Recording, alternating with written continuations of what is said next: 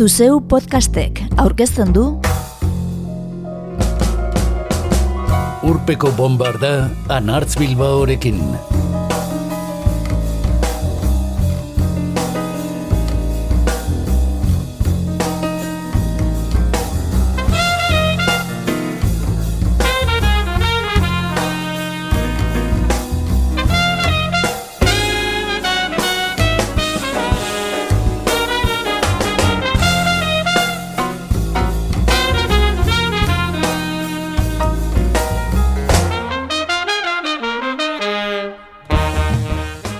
Nirvana taldeak Nevermind diskoa kaleratu zuenetik hogeita mar urte beteko dira 2008 bateko irailaren hogeita lauan. Ez zuten lehenengokoa. Bi urte lehenago emana baitzuten Bleach. Baina bigarren honek mundu mailako oihartzuna eman zien. Smell like teen spirit kantuari esker batez ere. Plazaratu eta azte pare batera nor eta Michael Jackson utzia zuten atzean lanik salduenen zerrendetan. Datu esanguratzua oso. Beste zeren gainetik, gitarra distortzionatuak gailendu ziren.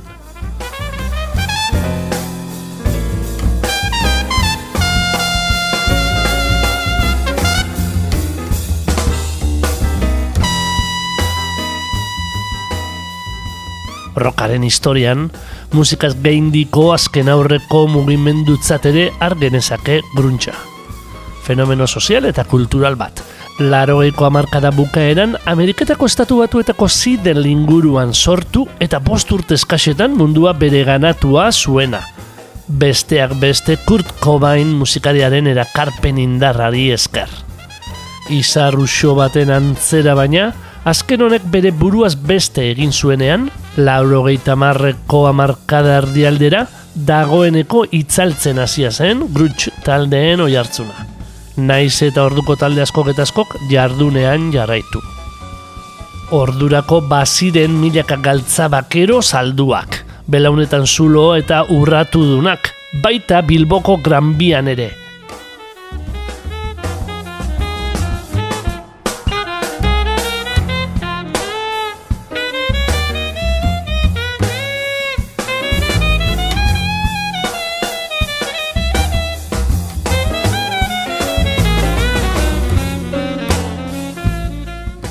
gaur urpeko bombardan eta orduko garaiaiek akorduan, amaiko txotalde grunge eta beste entzungo ditugu.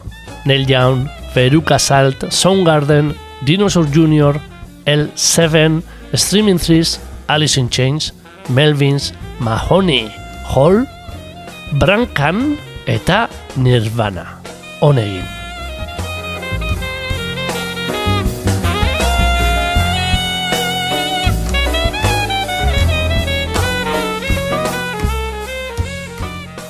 Kurt Cobainek gitarra eta hotza, Christ Novoselikek basua eta Dave Grohlek bateria osatu zuten Nirvana, mila beratzen da laro zazpian. Ameriketako estatu batuetako Washington estatuan. Bi urte geroagoko Bleach izan zuten debut lana. Eta milioika ale saldu zituen Nevermind bigarrena. Butch Big eta Andy Wallacek ekoiztua taldeari mundu mailako ospe eraman gaitza ekarri ziona. Mila beratzen laro mairuan, estudioko irugarren lan bat ere plazaratu zuten, inutero. Eta fini, mila beratzen da laro malauko apilian bere buruaz beste egin baitzuen kobainek. Jakina denez, hogeita zazpi urte baino ez zituela. Nevermind hogeita urte betetzear denaren kariaz, oraintzu jakin ditugu bi berri.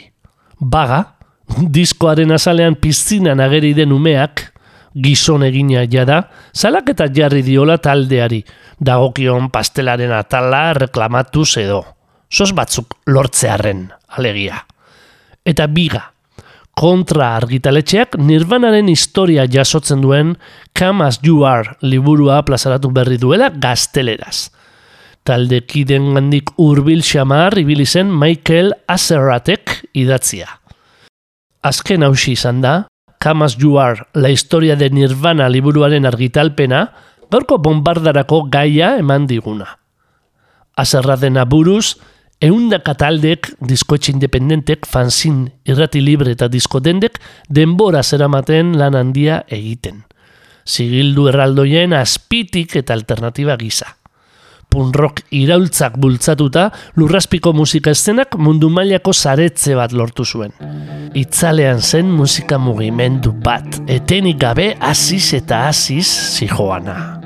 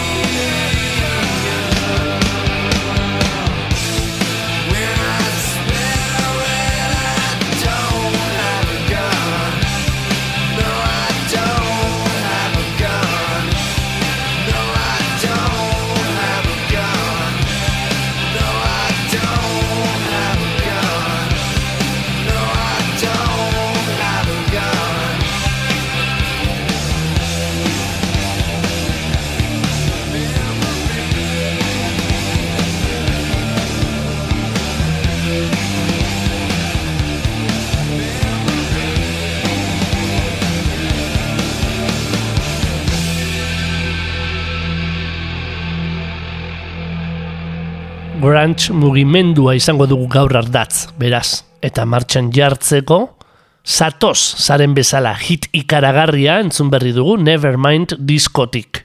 Come as you are, zaldiari eta lixibari buruzkoa omen.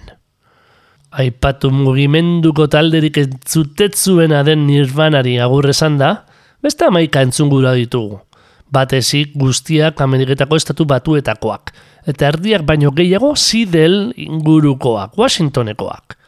Izan ziren munduan gehiago jakina, Silverchair Australian, Bush Britania hundian, baina zerrendatik kanpo utzi ditugu.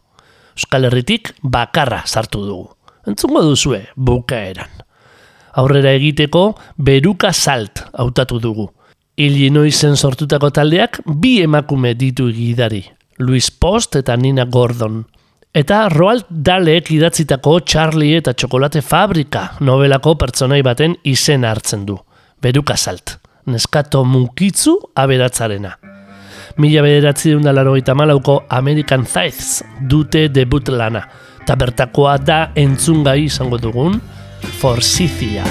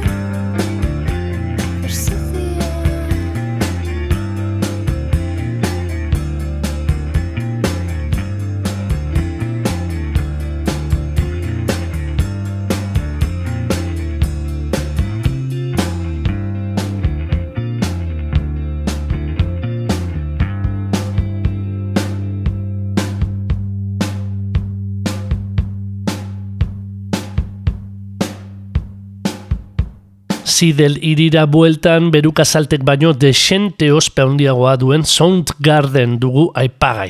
Mugimenduko talde nagusienetako bat. Hain handia esen asko ez diren konforme agertuko grunge taldeen artean kokatu dugulako. Larogeiko amarkada erdialean sortua, 2000 eta mazazpian zendutako Chris Cornell zuen frontman Soundgardenek. Berau dugu, sigilu handi batekin sinatu zuen lehen grunge taldea. Mila bederatzi da larogeita amaikako Bad Mothor Finga eta batez ere, mila bederatzi dun larogeita amalauko Superannau dira taldearen lanik azpimarra garrienak. Azken honetatik, entzungo dugu The Day I Tried to Life, gaixotasun mentalei buruzkoa eiden kantua.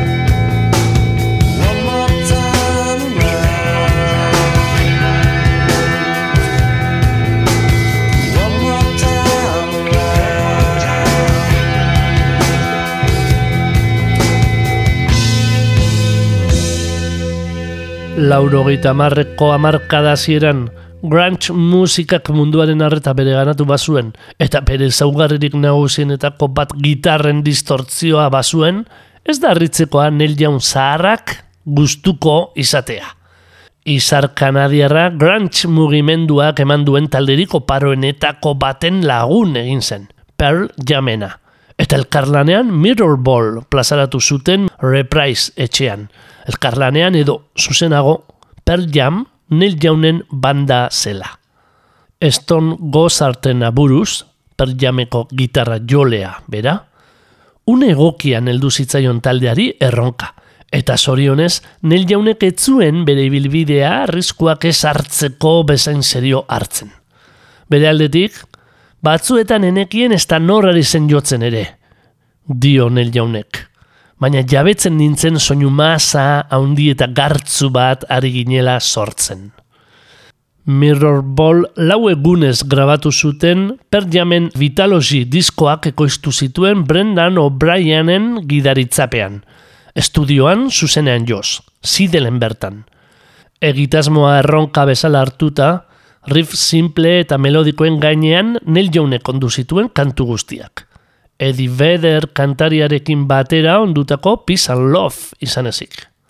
Gainontzean, Pearl Jameko abeslariak apenas izan zuen parte hartzerik Mirror Ball diskoan. Hitzetan idealismoa du nagusi lanak. Eta jarraian entzungo dugun Song X kantuan, irurogeiko belaunaldia, bakearena eta maitasunarena, hau da, berea, eta zinikoagotzat jotzen duen larogeita marreko belaunaldia alderatzen ditu Neil Young zaharrak.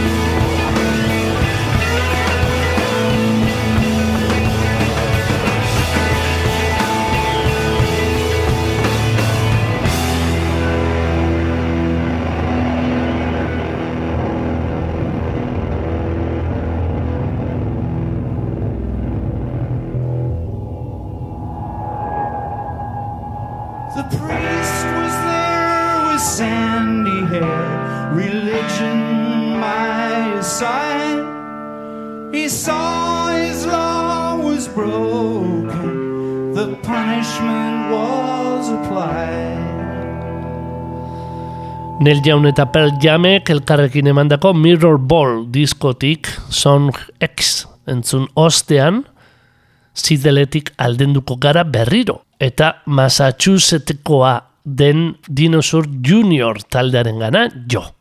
J. Massis Low Barlow eta Marfek osatzen duten irukotea jardunean da oraindik ere.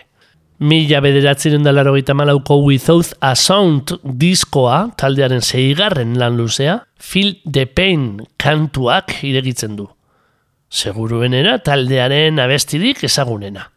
Ederra izateaz gain, ardo botila zabalduz abiatzen dutelako. Gure piknik musikalen antzera.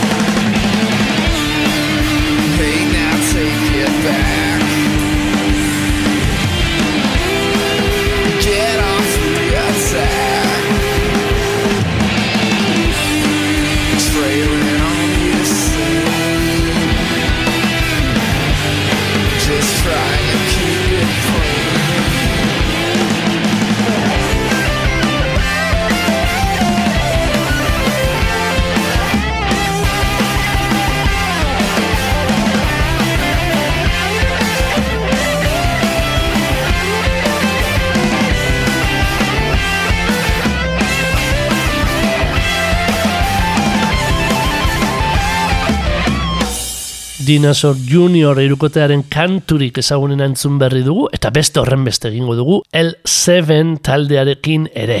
Pretend we are death entzun da. Emakumez osatutako taldea da L7, L zazpi. Donita Sparks eta Susie Gardnerrek mi beratzen larogeita bostean sortua, Kalifornian, eta 2000 eta geroztik berriro holtzak gainean dena itzulera urtean bertan gaztezko azkena jaialdian jo zuten, berbarako. Eta datorren urteko afixan ere iragarriak dituzte. Mila bederatzen laro eta Riot Girl mugimenduko kide ere baden L7ek, Esmelde Masik plazaratu zuen subpop zigiluan.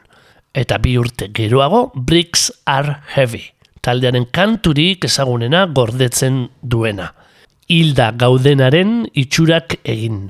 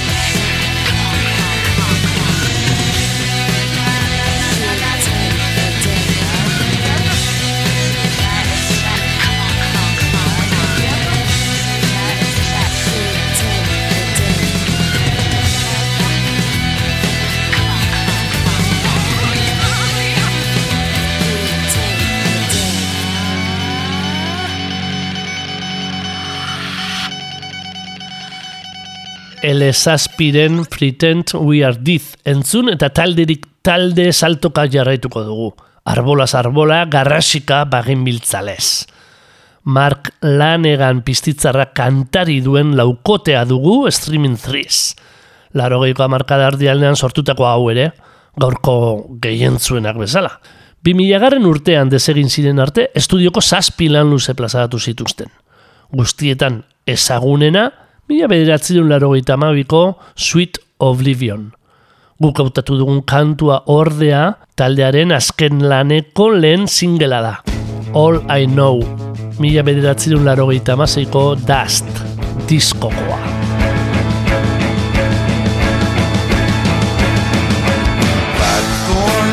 Black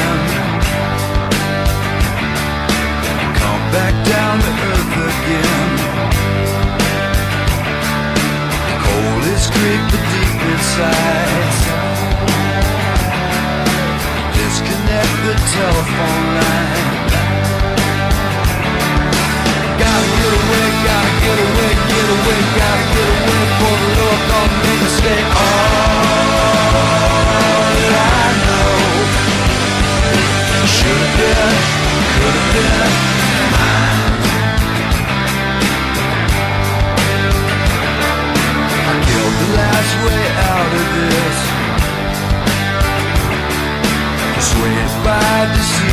kiss. Said you better stay, said you better stay, better stay, said you better stay for it's all gone, gone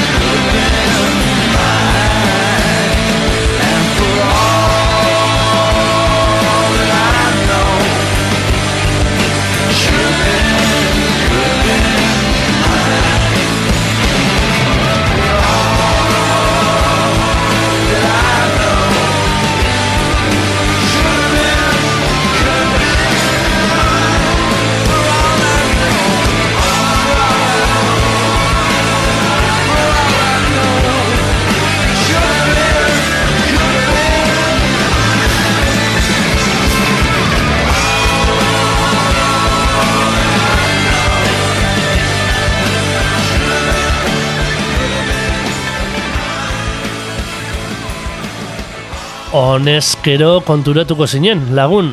Gaur entzun gai ditugun pieza guztiak larogeita marreko lehen urtetakoak direla. Mila beratzen larogeita amabikoak gehienak.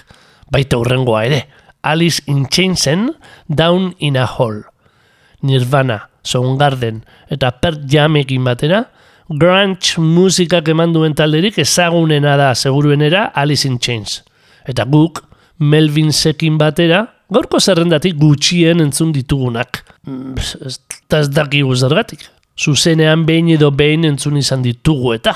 Dagoeneko 2002an zendu zen Line Styliren ordez, ahotzean William Duval zutela. Alice in Chains taldeak, Mila bederatzen da larogeita amabiko Dirt laneko azken singela du Down in a Hole. Jerry Cantrell gitarra joleak ondua.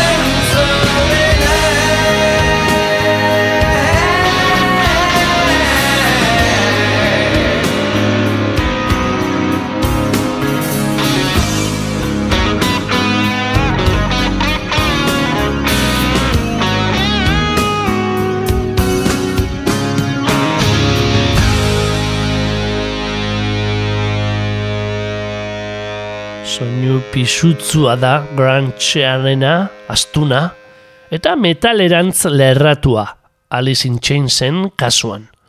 Baina ohartu gara, azken Down in a Hole power baladan bezala, tempo erdiko kantuak edo hautatu ditugula nagusiki gaurko zerrendan, grinatzuenak baster utzita. Akaso sartzen ari garenaren seinale. Joera apurtzeko zorionez Melvins entzongo ditugu urrengo. Milurteko berrian Yellow Biafrarekin egin izan dituzte elkarlanak, Black Flag zein Black Sabbath hartzen dituzte iturritzat, baina Buzz Osborne, Kins Buzo, Matt Lukin eta Mike Dillartek hasieran eta Dale Croverrek gero osatu zuten Melvins, grunge estenaren aitzindariak dira.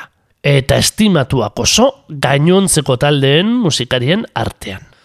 Mila bederatzen da larogeita mairuan Houdini plazaratu zuten, eta hurrengo urtean beste bilan, Stoner Witch tarteko.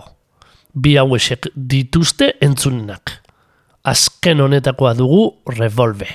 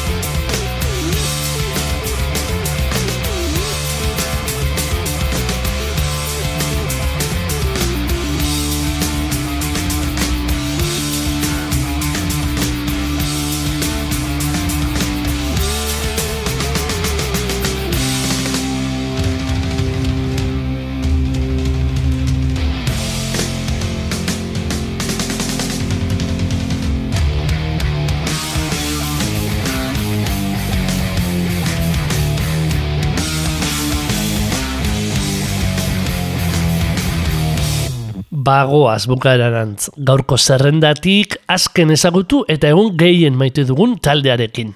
Mahoni! Ez dira ez, gaur entzungo ditugunen artean ospetzuenak, baina musika ditu batzuen aburuz, beraienara grunge soinuaren lehen hasia. Edo zelan ere, txikia izaten jarraitzen duen talde maitatua da Mahoni, kultuzko bandei dagokien bezala. Green Riva taldean gerora Pearl Jam osatuko zuten Stone Gossard eta Jeff Hammondekin batera izandako Mark Arn eta Steve Turnerrek osatu zuten taldea. Mahoni, Dan Peters eta Matt Lukinekin batera. Mila beratzen larogeita sortzian egin zuten debuta, Superfuzz Beef Move gordinarekin. Eta reskero, errepidean dira. Podcast hau grabatu bezperan, barbarako, Bartzelonan izan dira zuzenean. Debut lanarekin batera, mila bederatzen da larogeita amabikoa dute hauek ere lanik gora ipatuena, Piece of Cake. Baina taldeak jardunean dirauenez, azken argitalpena hau ineratzea otu zaigu. Out of Deception. Izatez ez da kantu berria. Mahoniren Every Good Boy Deserves Futs bigaren lan luzekoa baino. Aurten hogeita hamar urte bete ditu diskoak eta irudi berriekin, bermasterizatua eta abar dator. Bi minutu eskasetan.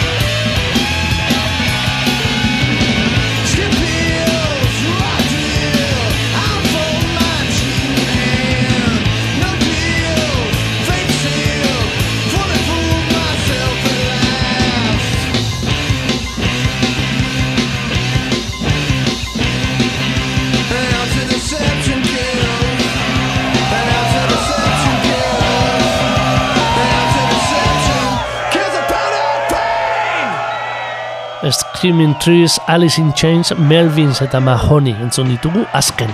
Zitel inguruko taldeak lauak. Eta gaurko saioa bukatzear dugula, Kaliforniako Hall taldea izango dugu azkena. Hall taldeak ere, beruka salte do L7ek bezala, emakume musikariak izan ditu nagusi. Eta Courtney Love gidari, Nirvana taldeko Kurt Cobainen emaztea. Mila bederatzirun da larogeita maikan debuta egin eta lau lan plazaratu zituzten bi mila eta hamarra bitarte. Azpimarrak garrienak, laurogeita malauko Life Through This eta laurogeita mazortzeko Celebrity Skin. Lehenengo ura, Violet kantuak irekitzen zuen. Esplotazio sexualaz, mintzot dena. and the sky was made And all the stars are just like little fish. You should learn when to go.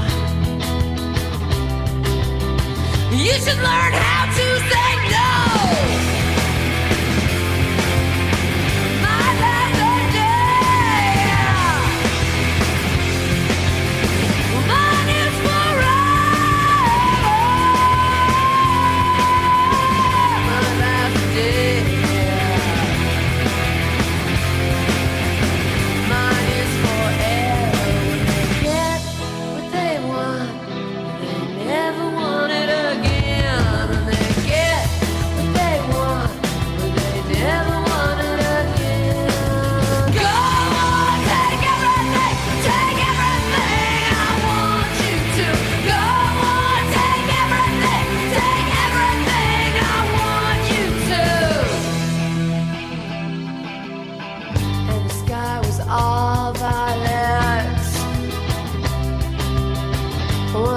Violent, more violent. I'm the one with no soul. One above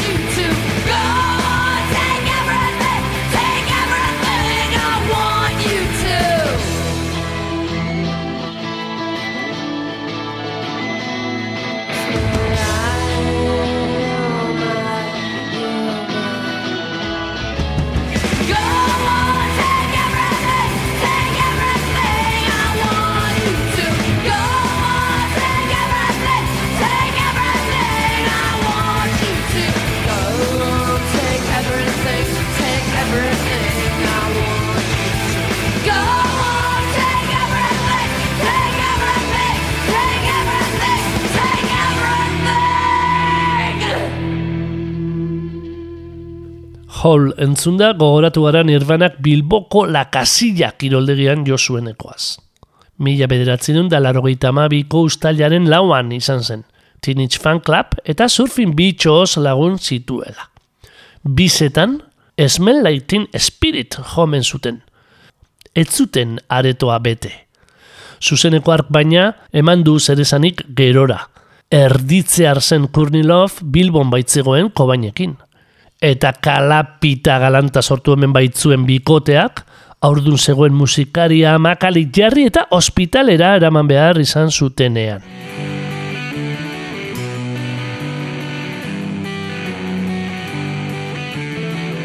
Zuri beltzean egarre barre Bostasun da pena Ioten maskarak jartzen ditu Izpilu aurrean oiala zabalduz bero batek hartu duan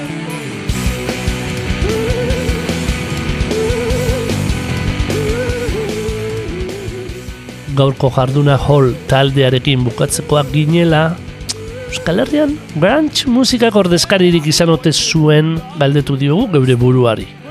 Izango duzu bat edo beste buruan entzule. Eta apropos aproposa, seguru. Baina guri brankan etorri zitzaigun akordura. Merezi beste oi hartzun izan ez zuen arren aspaldi batean hurbiletik ezagutu genuena. Bizkaia eta Gipuzkoaren arteko kostaldean saturraranen sortutako irukotea zen brankan. Igor Larrinaga eta Aitor Rosa lenguzuek, Igor gitarran eta hotzean eta Aitor basuan, osatu zutena, txandaka aritu ziren bateria joleekin batera. Laurogeita hamarreko hamarkada hasieran Euskal Herrian hardcore melodikoak izan zuen eszenan hartu zuten parte. Baina sonoritatez gaurko zerrendarako aproposak begitan du izan zaizkigu beti.